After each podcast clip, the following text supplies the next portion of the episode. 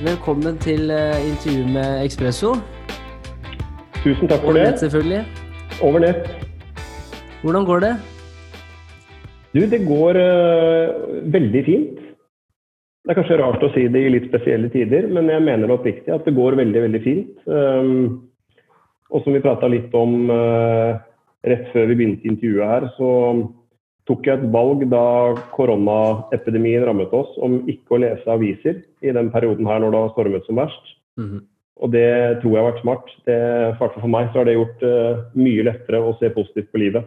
Ja, ja det, det tror jeg også definitivt. Og måte man ser jo det. Eh, korona har jo tatt eh, 99 av nyhetsbildet den siste tiden, og det er jo selvfølgelig forståelig. Men, men tror du også det å f.eks. droppe nyhetsbildet da, i det større, større omløp, tror du det er også noe som er lurt å gjøre etter, si etter når ting begynner å komme tilbake til normalt? Nei, Jeg tror at det er veldig fint å begynne å se på nyheter igjen når det ikke er 90% korona.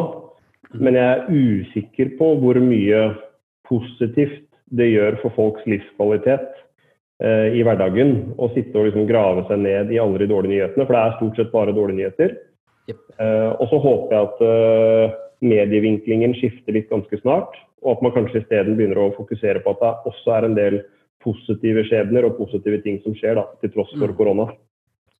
Definitivt, og, og det har jeg også sett også veldig Det var en som sa det til meg for en stund tilbake, og, og en, en kompis av meg, i forhold til det med Det virka som før, da, så var på en måte mediene de var ute etter å prøve å, å, å reflektere sannheten da, og prøve å få fram eh, svaret i, i, mange, i mange caser. Men nå, i dag, så virker det nesten litt mer som det handler om å være først. Altså med clickbait så på en måte eh, Konsensen i artiklene og innholdet er ikke så viktig lenger, så lenge det kaprer eh, oppmerksomhet. Da, og da er jo drama selvfølgelig alltid, alltid en sikker vinner.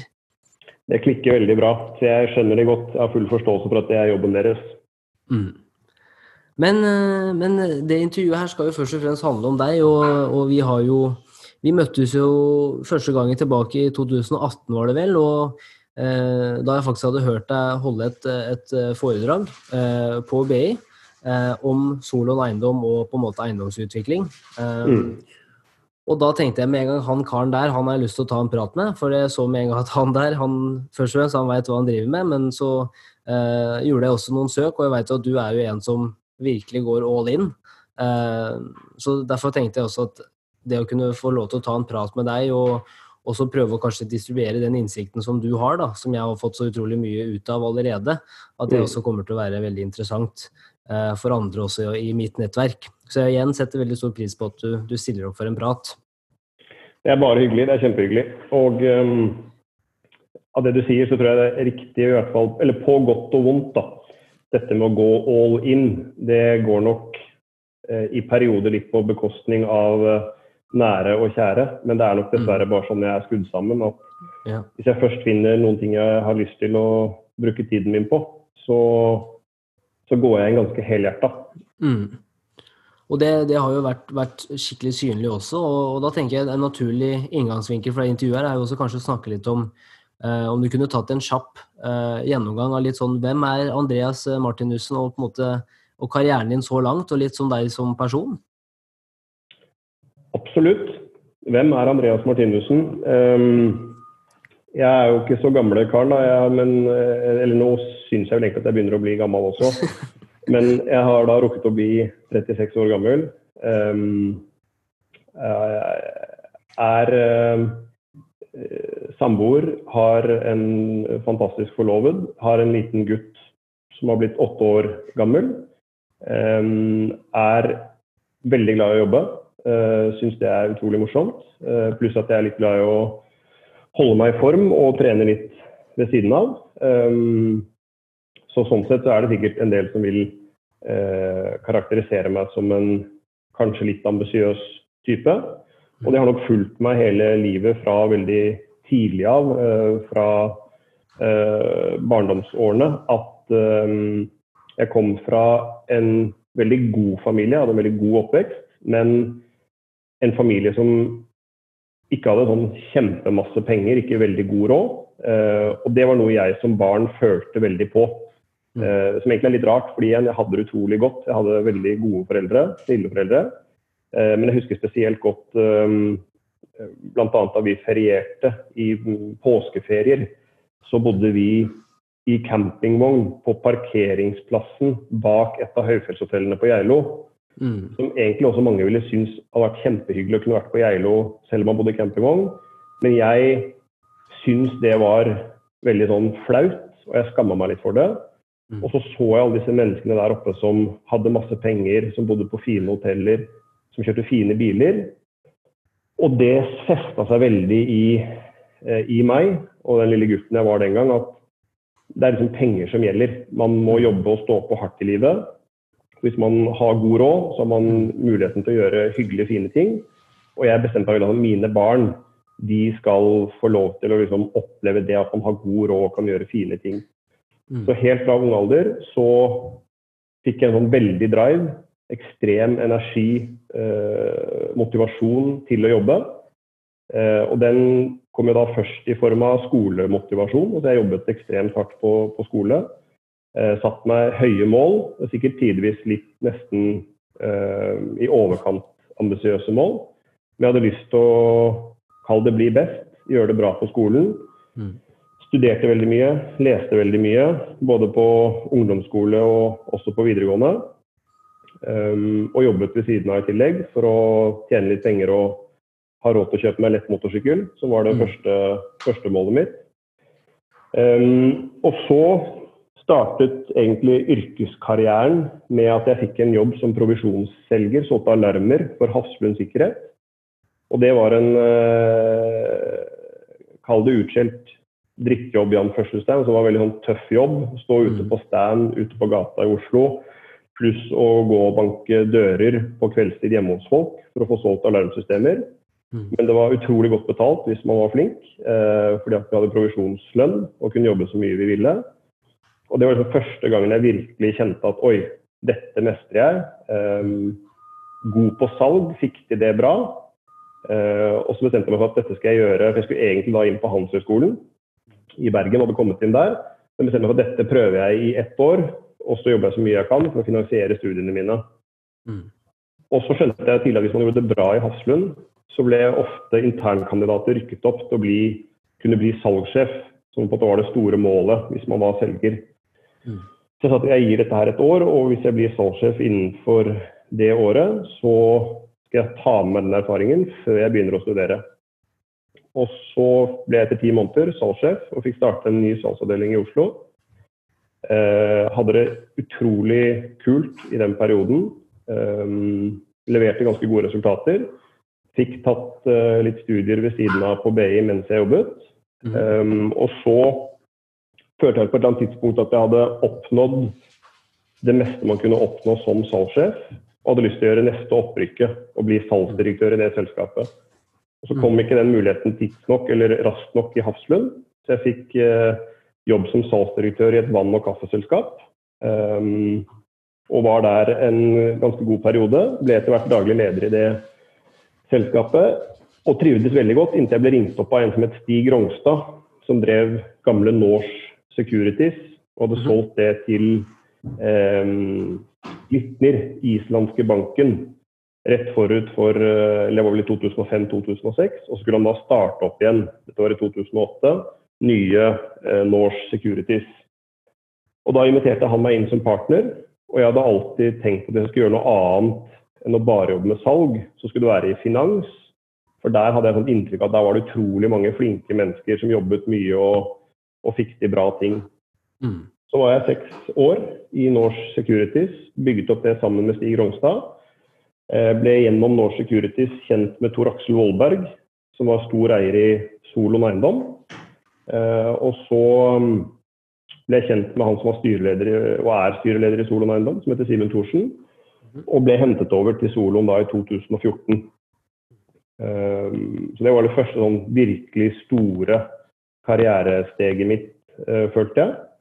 Uh, og det ble på mange måter kronet med i 2016. Så gikk jo soloen på børs, så jeg fikk lov til å være med å lede den prosessen med børsnotering.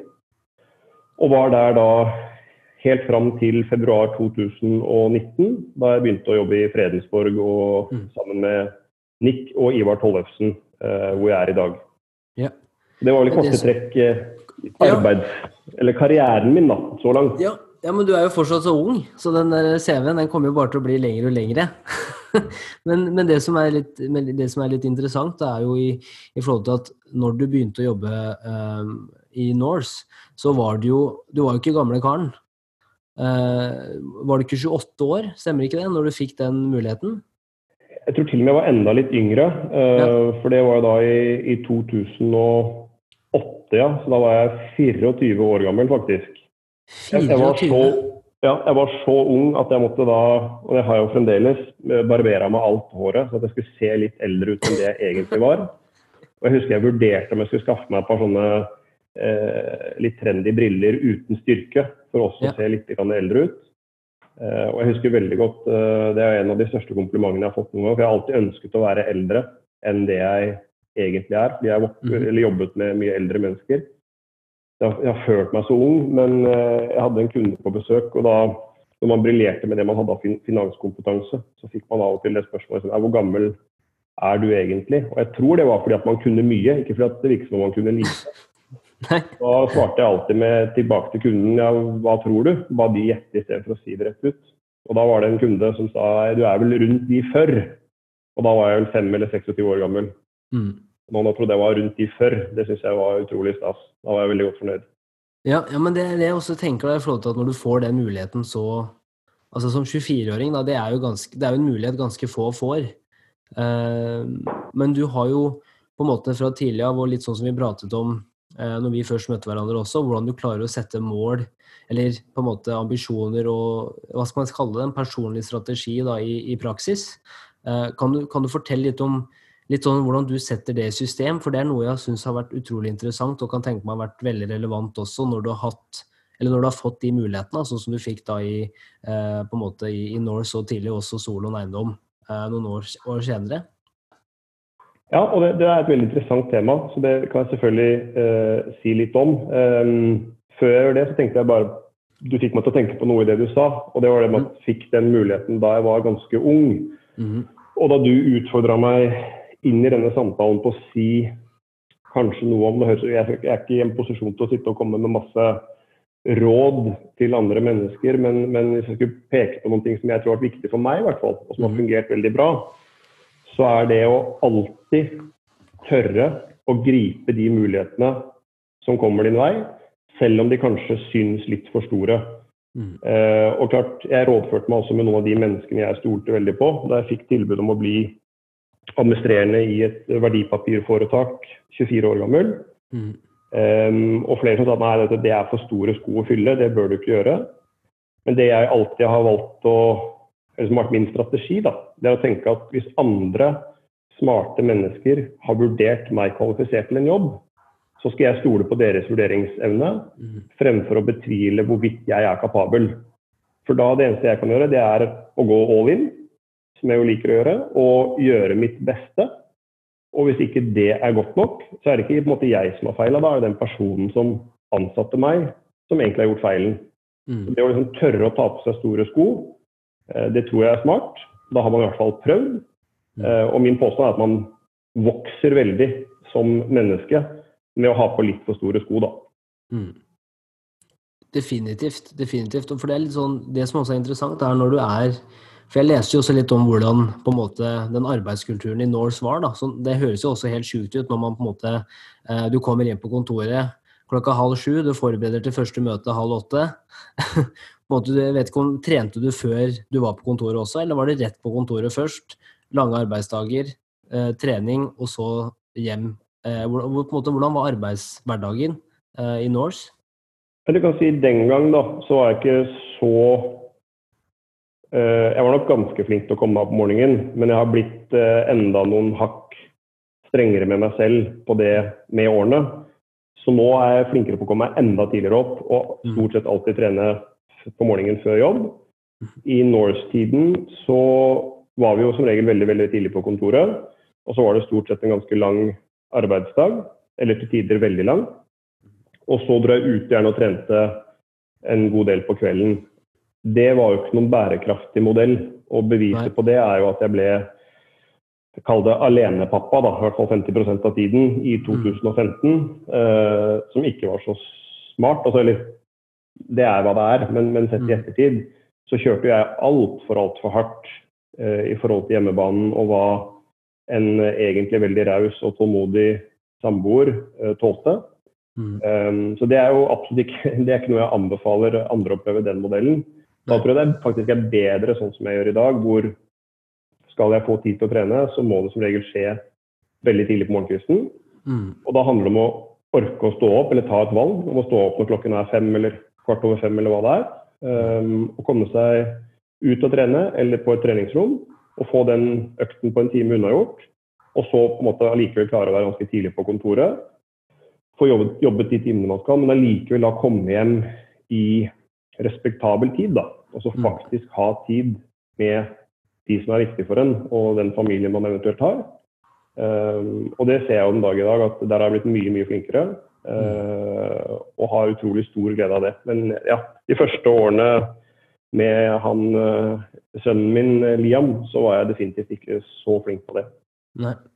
Og jeg kan jo, jeg kan jo også tenke meg det er en av de som du sier, det er på en måte en av de tingene man har lært på en måte gjennom erfaring. Da. Uh, men er det litt sånn hvis man tenker uh, der du er i dag, da, 36 år, på en måte er det noen ting som du hvor Selvfølgelig det med å prioritere familie også er jo kjempeviktig, men er det, noen, er det noen ting som Når du ser tilbake på karrieren din så langt, og du, du ser for deg på en måte Andreas, 24 år, som har fått den muligheten, er det noe du ville fortalt han? Det syns jeg er veldig interessant da, i forhold til der du er nå, som du kunne fortalt Andreas på 24 år.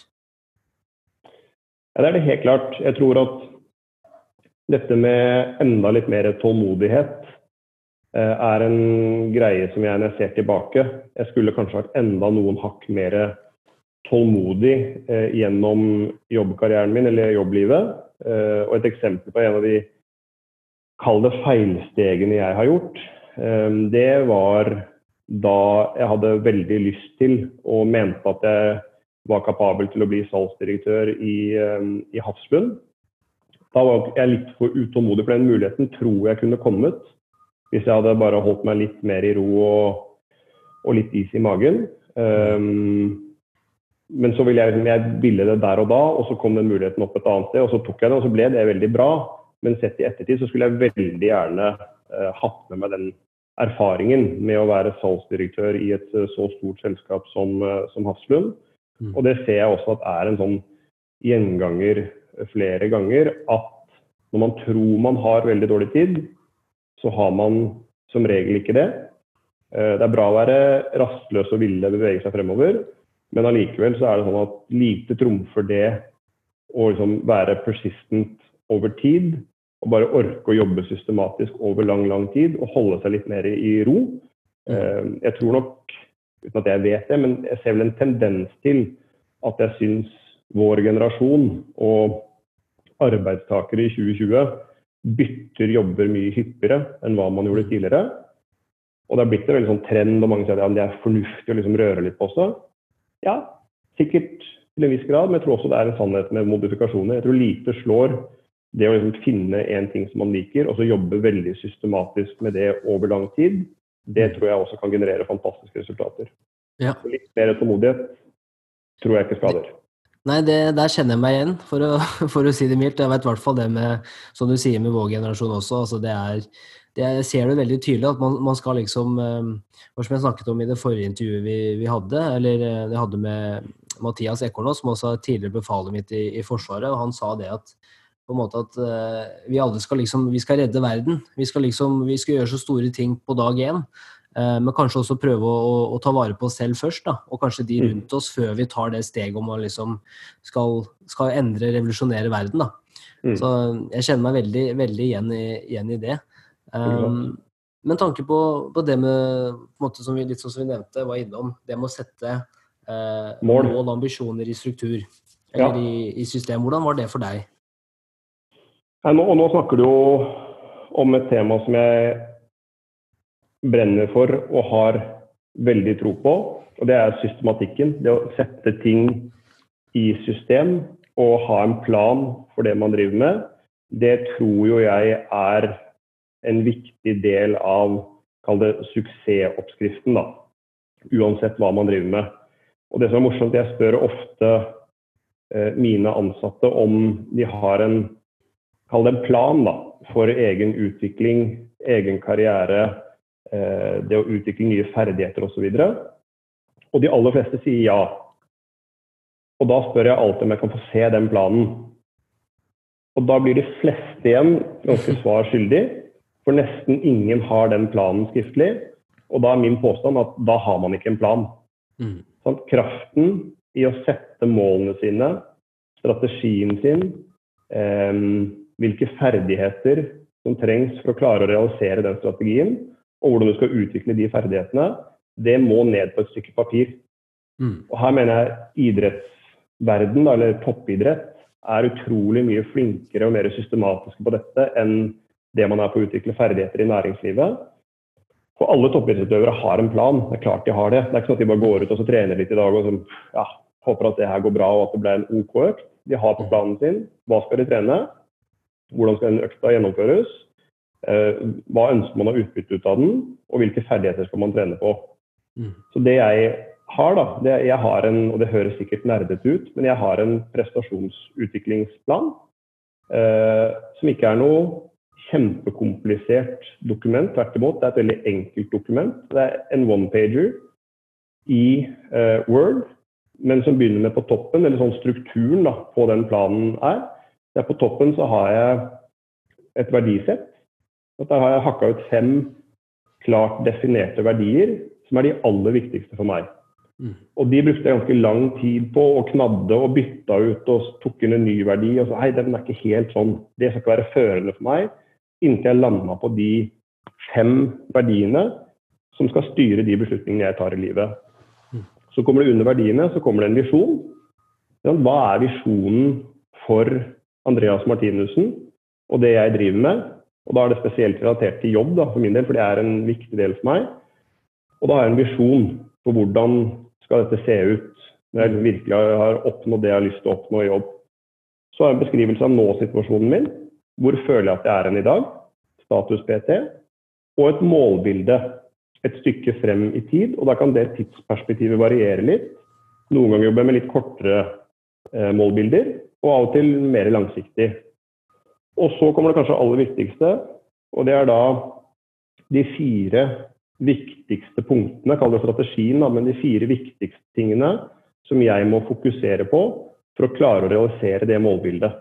Mm. Så hvilke fire ting må jeg fokusere på for å ta meg fra nå-situasjon og til det målbildet innenfor det tidsperspektivet jeg ønsker. Mm.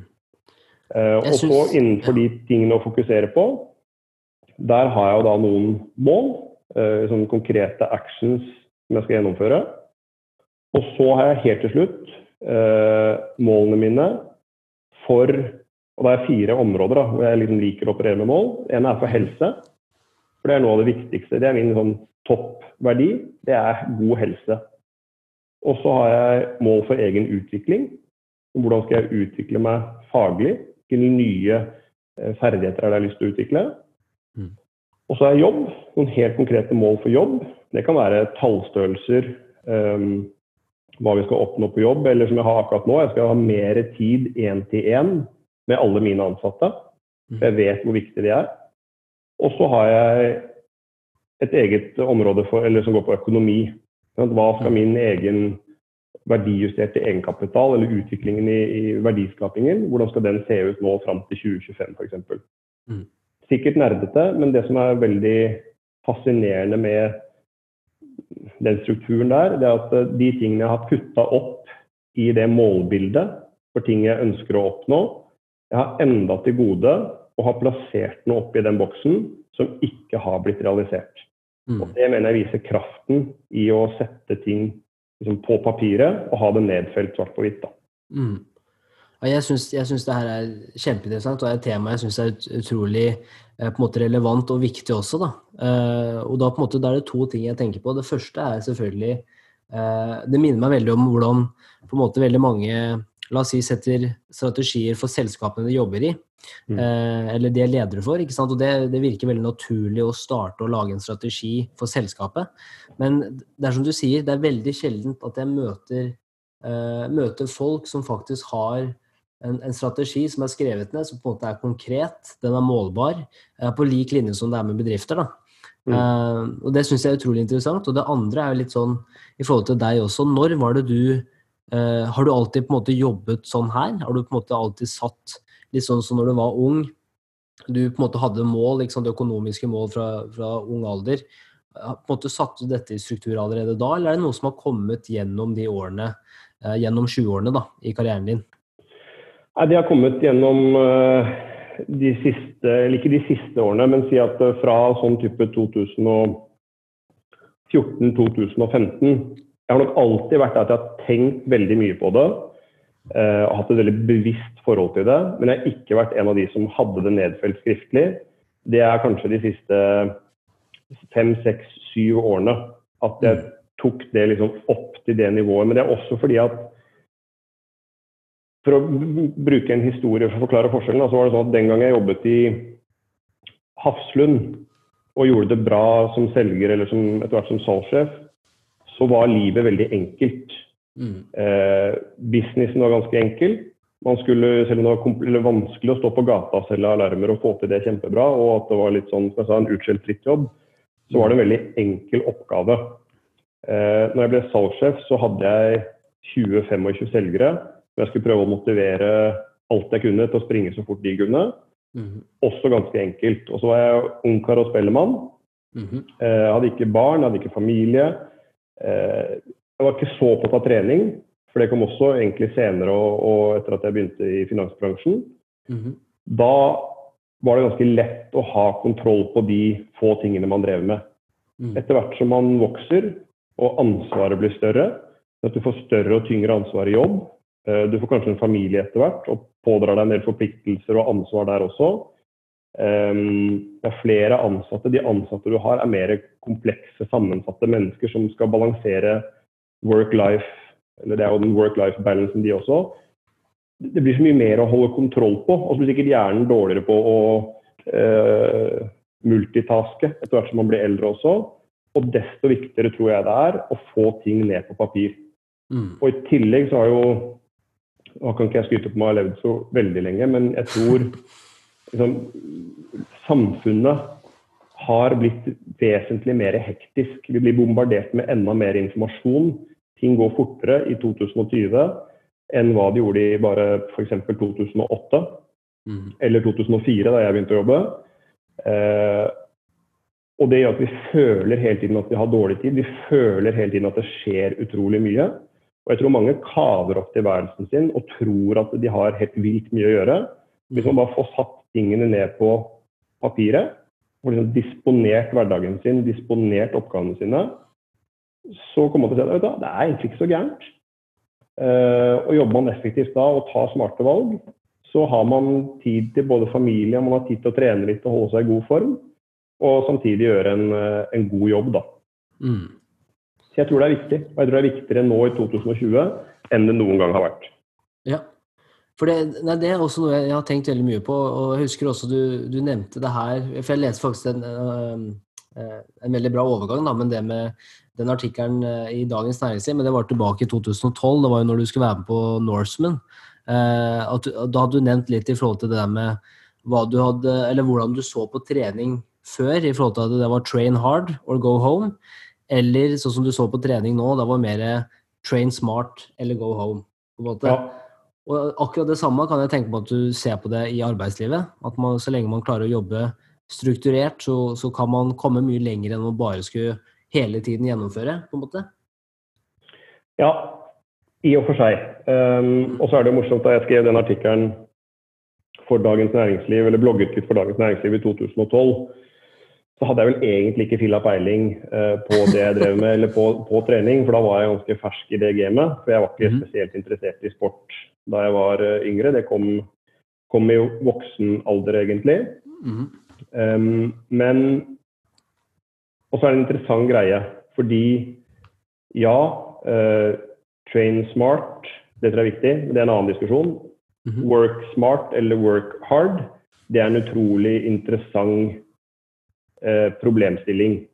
Og nå argumenterer jo mange, spesielt din og min generasjon, eller disse millennials. For at det handler ikke om å jobbe så forbaska hardt, det handler om å jobbe smart. Mm.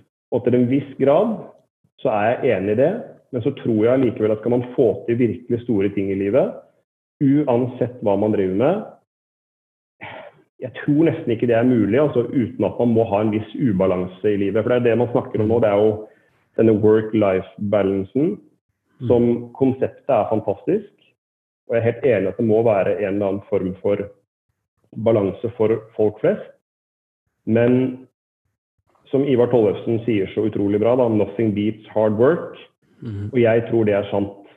Ja. Eh, Norge har blitt litt bedagelig anlagt fordi at vi har for mye penger, vi har det litt for godt. Og da er det fort gjort å glemme at det er hard jobbing, iallfall som regel, eh, som må til hvis man skal virkelig liksom, skape gode resultater og få til ting. Og i toppidrett, mm. det syns jeg er veldig fascinerende, for i toppidrett så er det veldig akseptert um, å på en måte ofre alt. Men det er det ikke i næringslivet. Da er det mye verre hvis noen Ta, ta Petter Northug, Northug som eksempel. Da tror jeg at nordmenn flest syns det er helt greit at han ikke hadde noen form for balanse i livet sitt. Og det var at han skapte fantastiske idrettsøyeblikk som gledet en hel nasjon. Og det er det jo ikke samme med en næringslivsperson, selv om den personen gjerne skaper en masse annet som er veldig bra, deriblant en haug med arbeidsplasser. Mm. Jeg tror ikke det er like sånn allment akseptert da, med at næringslivsfigurer ofrer utrolig mye uh, for å oppnå det de gjør. Mm. Det, ja, det er en interessant greie. Nei, men det, det, er et veldig godt poeng. Det er, det er veldig godt poeng, og jeg ser jo, og litt sånn som du sier det, og jeg er også helt enig i forhold til at eh, på en måte jobbe mer effektivt. Det er, det er, veldig mange måter man kan gjøre det på. For jeg ser jo selv, som du sier, ikke sant, i forhold til distraksjoner i hverdagen, først og fremst. at det er jo, Jeg ser også det når jeg er på jobb. Eh, nå har jeg jobba hjemmefra en god stund, så det har ikke vært en utfordring. men jeg ser jo hvor lett det er å stoppe opp ved kaffemaskinen og ta en prat, og det kan bli veldig mange kaffeprater i løpet av en dag. Eh, og da å tenke litt sånn, ja, men hvor mye har man faktisk fått gjort? Og kunne man ha gjort den jobben på la oss si seks timer da, istedenfor ni, på en måte?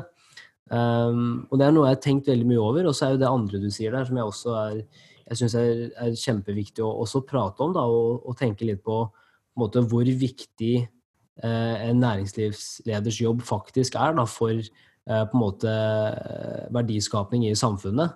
Eh, og jeg syns det er litt fascinerende at det er ikke alltid vi stiller oss bak da, som, som et samfunn og faktisk heier de opp og fram, og, og skjønner på en måte at eh, hvor mange arbeidsplasser som faktisk blir skapt, og hvor viktig mm. det er for den velferden vi har. da.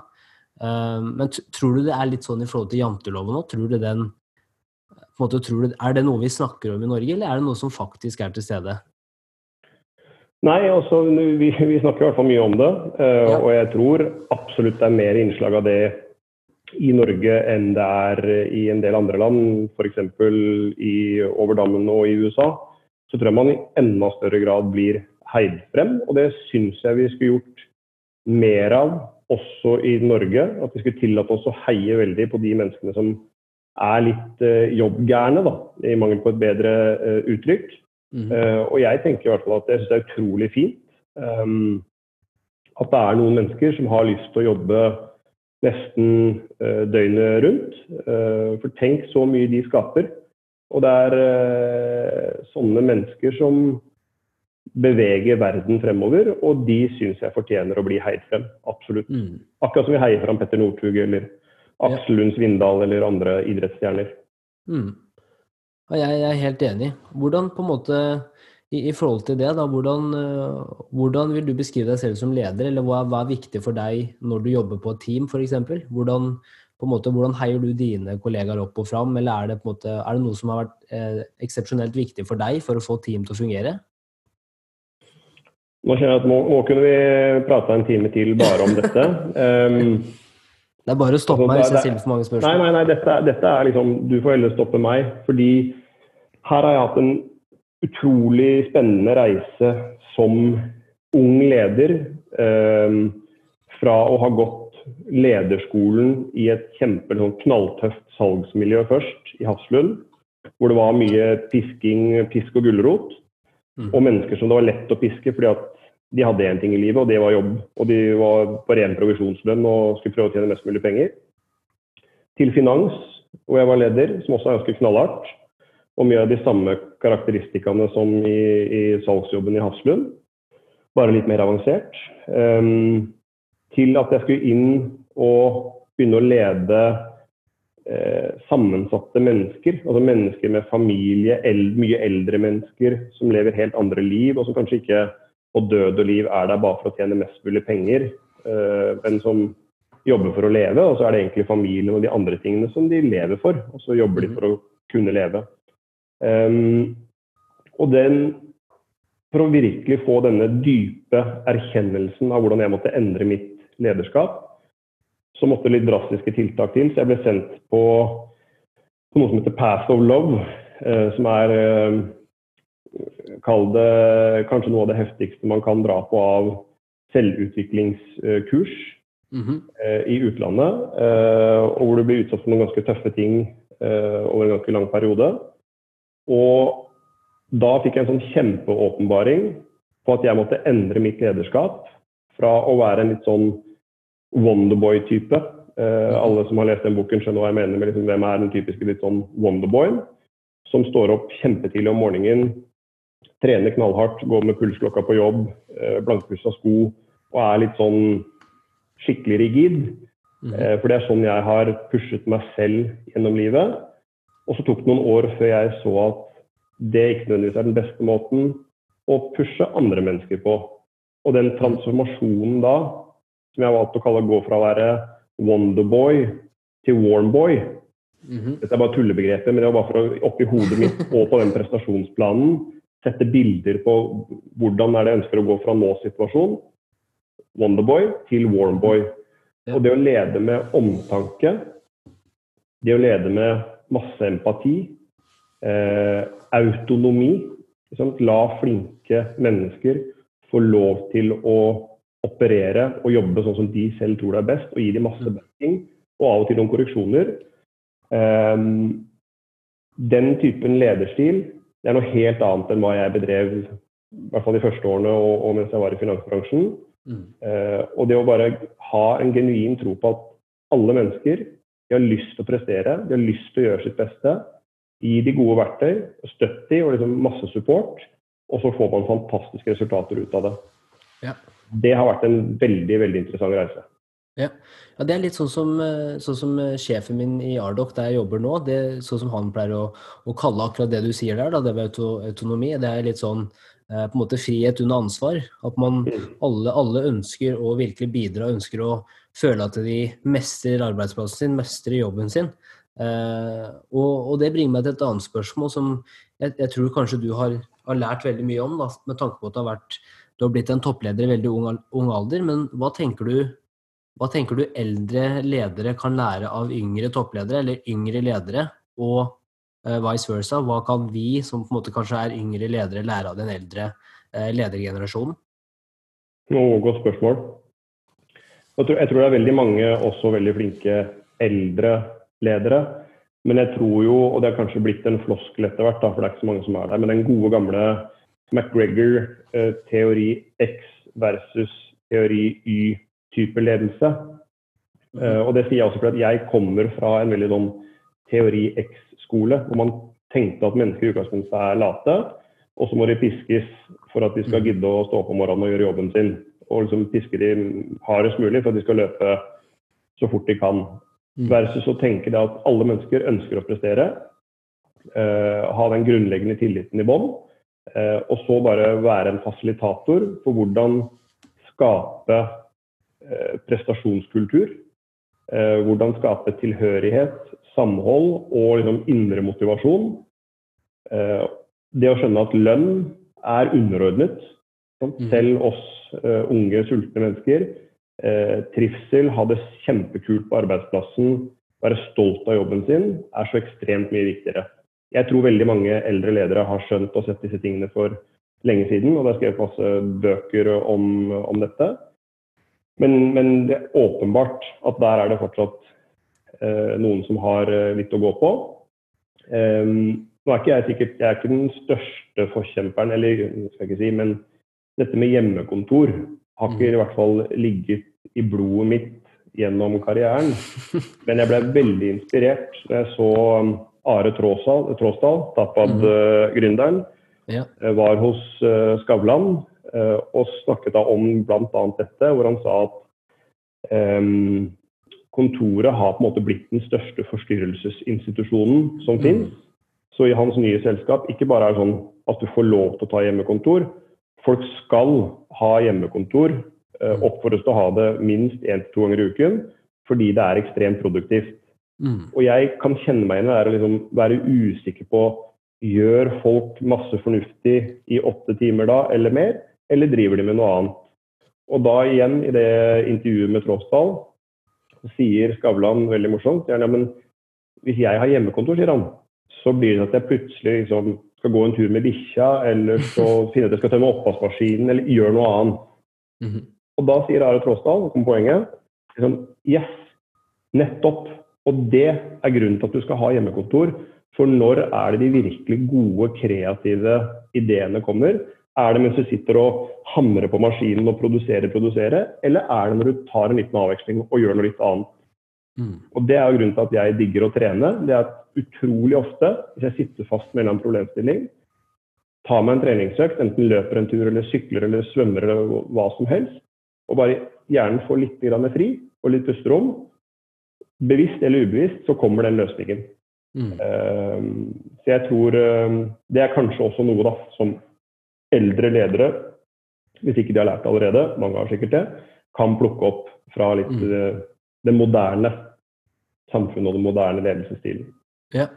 Men apropos det å, det å jobbe hjemmefra, hvordan har du, eller på en måte de siste ukene da, siden på en måte regjeringa eh, valgte å sette inn strenge tiltak eh, den, den 12. mars, hvordan har du klart å på en måte I forhold til det med hjemmekontor, hvordan har det vært for deg? Har, du, har det vært utfordrende på en måte å holde rutinene i gang og, og tenke at man liksom man skal fortsatt på en jobb, selv om man skal bare gå et par meter inn i stua eller eh, på kontoret hjemme? Eh, Hvordan har det vært for deg?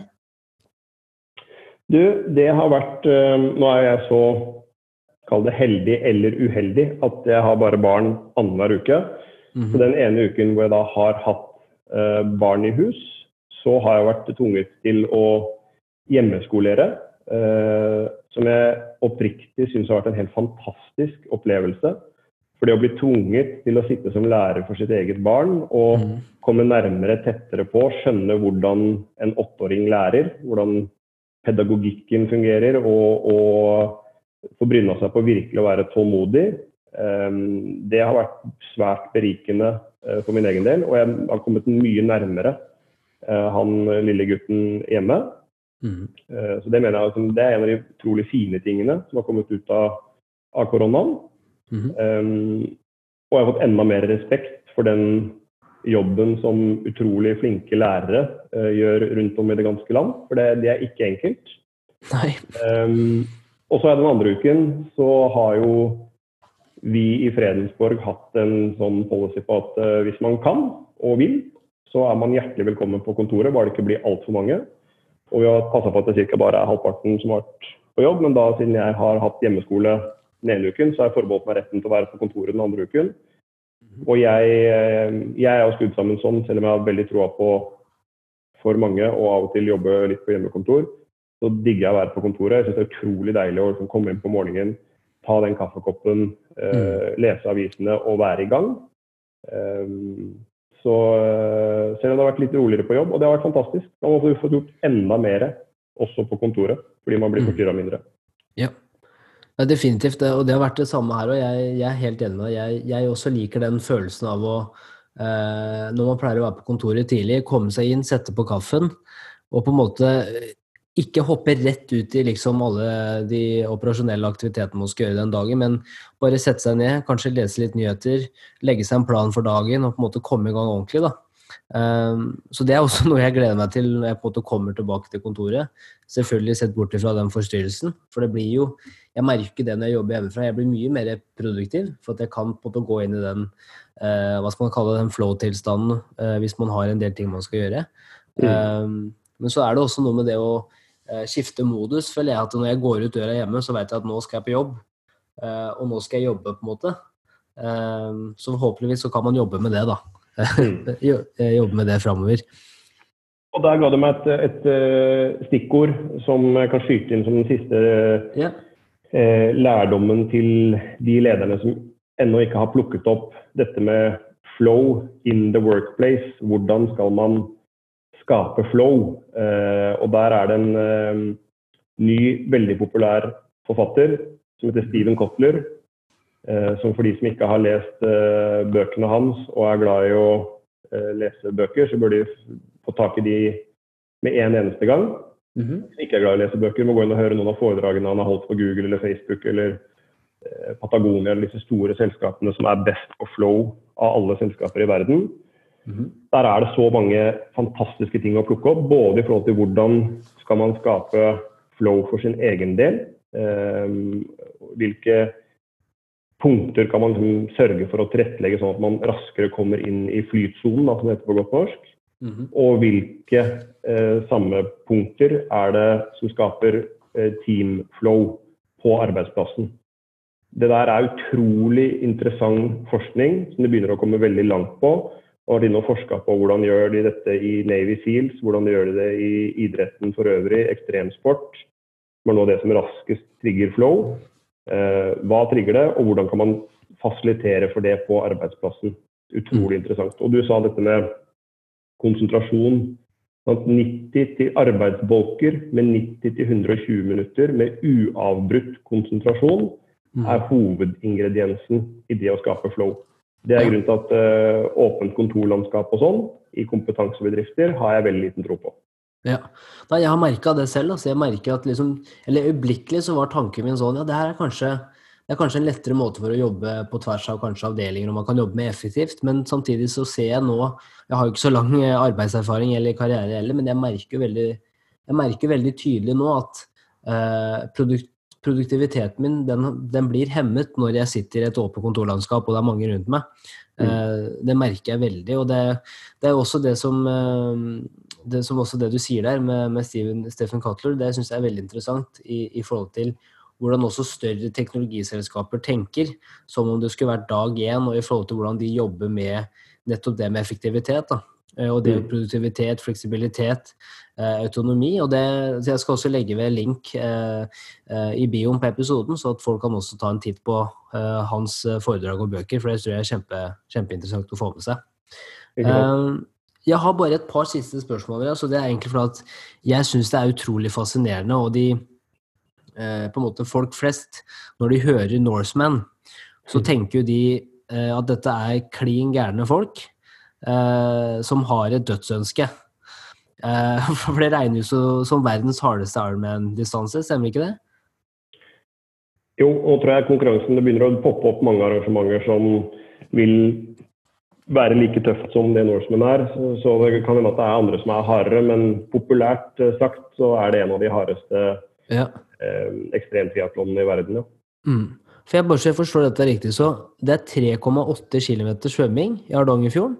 Og så mm. deretter er det 180, 180 km på sykkel fra Eidfjord til Tinnsjøen. Og så avsluttes det hele med et maraton, som ikke det var nok. 42,2 km opp til Gaustatoppen. Opp til mm. Gaustatoppen. Mm. Altså, det første spørsmålet for folk flest er sikkert hvorfor. Mm. Hva svarer du da? Det skjønner jeg. Det skjønner jeg at man kan spørre seg. Og det er litt som nå spurte han der mannen som sto og stanga hodet i veggen, hvorfor han gjorde det. Så det er så utrolig deilig etterpå når jeg slutter. Uh, og det er litt det samme med Eller det er flere grunner. Det er litt, litt mer sammensatt, men det er utrolig deilig etterpå, uh, når man er ferdig. Uh, og da setter man så mye mer pris på livet og små ting i livet, som f.eks. en varm dusj eller en myk seng eh, når man har utsatt seg selv for litt ubehag. Så Det tror jeg man har veldig godt av. Men det kan være andre ting enn Norseman. Det kan være å gå en ekspedisjon eller eh, være ute og fryse litt eller ja, gjøre mm. forskjellige ting. Så det, var det sånn at grunnen til, eller hvordan det hele startet, det var at jeg satt på meglerbordet i, i Norse. Og i tillegg til å skulle være daglig leder, så satt jeg også og jobbet med å få inn nye kunder. Um, og da jeg var jo en helt ukjent profil som ingen hadde hørt navnet eh, til. Eh, og så tenkte jeg at hvis jeg bare fikk ansiktet mitt i avisen på noe relatert til idrett, for jeg skjønte at liksom, mosjonsidrett i Norge det, har, eh, det, står veldig høyt i kurs. og spesielt i finans og også i eiendomsbransjen. Men fikk jeg ansiktet mitt i avisen, så ville folk vite eh, hvem jeg er, og at det ville gagne meg litt i jobb. Så der, Derav det opplegget med Dagens Næringsliv som fulgte meg da i oppkjøringen til Norseman i, i 20, 2013. Det var kjempelurt. Ja, og mange lo av det den gangen og sa ha-ha, jeg ser ikke den linken. Men mange av mine aller beste bekjentskaper i jobb i dag, og som har skapt masse muligheter for meg, de kom opp som følge av akkurat det der. Ja. Eh, og så trenger ikke det å være Norseman, som jeg sier. Man, kan gjøre masse, man, man må finne sitt Norseman i livet. Et eller annet som er litt utenfor det ordinære. For det er det som setter farge på, på hverdagene. Uh, og jeg tror også det kan skape noen gode muligheter for en, da, sånn som Norseman gjorde for meg. Og så, en annen grunn til at jeg faktisk og som gjør at jeg velger å fortsette å gjøre det år etter år etter år, etter år, det er at for meg så holder det å ha en sånn konkurranse liggende der framme i august, som jeg vet at det kommer til å bli tøff, det gjør at jeg holder meg på ganske sånn stram line gjennom året. Det er den som gjør at jeg får lurt inn de treningsøktene tidlig på morgenen. Og det skaper en utrolig fin dynamikk Eh, og en veldig sånn bra, eh, positiv spiral da, i livet. Mm. Når jeg ikke trener i perioder, for det hender at et eller annet skjer, eller at jeg er veldig hektisk på jobb, eller at jeg bare mister lysten, da blir jeg litt slappere, jeg blir mindre effektiv på jobb, jeg har dårligere syke, eh, jeg tviler mer i beslutninger, spiser dårligere mat, sover dårligere.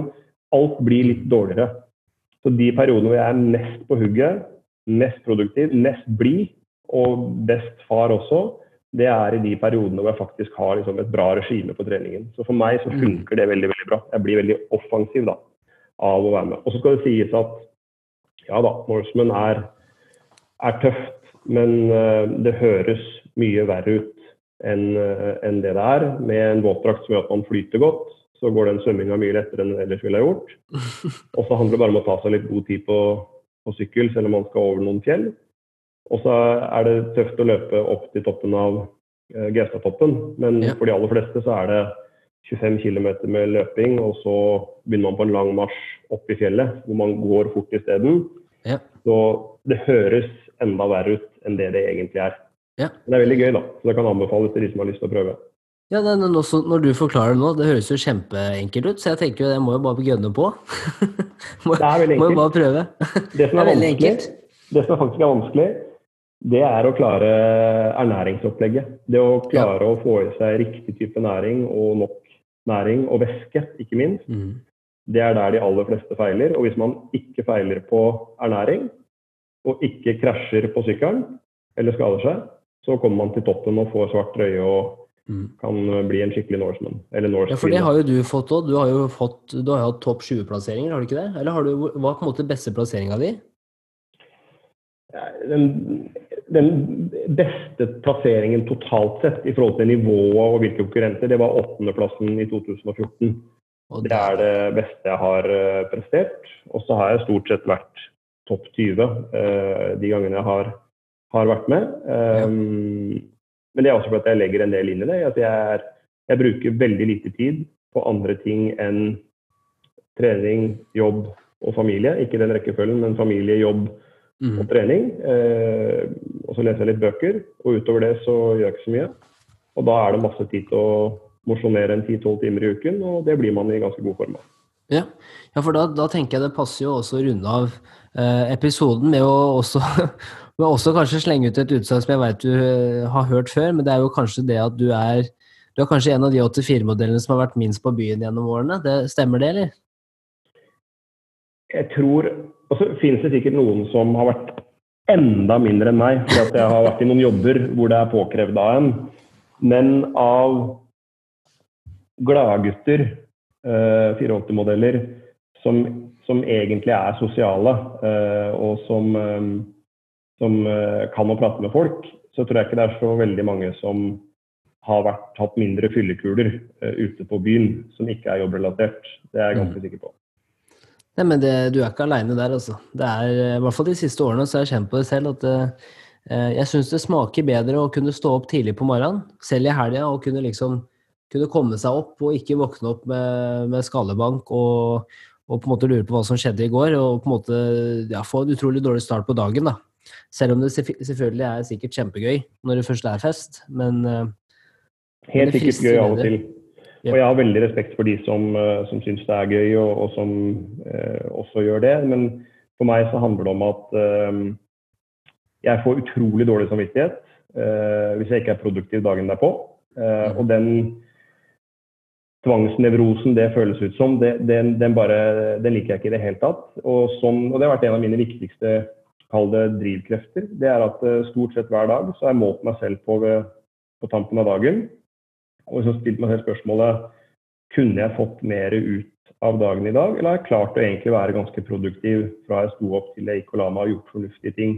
Mm. Og de dagene hvor jeg har stått opp tidlig, um, trent, spist en bra frokost, lest avisene, hatt en bra jobbdag, fått tilbrakt litt tid med familien, kanskje til og med putta inn en liten treningsøkt på kvelden i tillegg, og da går og legger meg og leser bok. Når jeg slukker lyset da og føler at liksom, denne dagen har jeg maksa, det er da jeg er på mitt aller mest fornøyde. Så det er det jeg på en måte prøver å trakte etter. da. Ja. Og det siste spørsmålet da er eh, For du nevnte jo det innledningsvis i, eh, i samtalen vår, og litt det i forhold til når du var yngre. ikke sant? Så, så, så du på når du var på Geilo, så så du på en måte at eh, måte det økonomiske var et mål for deg, da, for du så at det her er noe du også ønsker å oppnå. og Du ønsker også å legge til rette for barna dine, sånn at de også kan oppleve måte, alt det bra som livet har å by på. Eh, men hvordan vil du beskrive suksess i dag for deg? Eller på en måte hva er, hva er suksess for deg, og hvordan har du sett på det ordet, og hvordan definerer du det?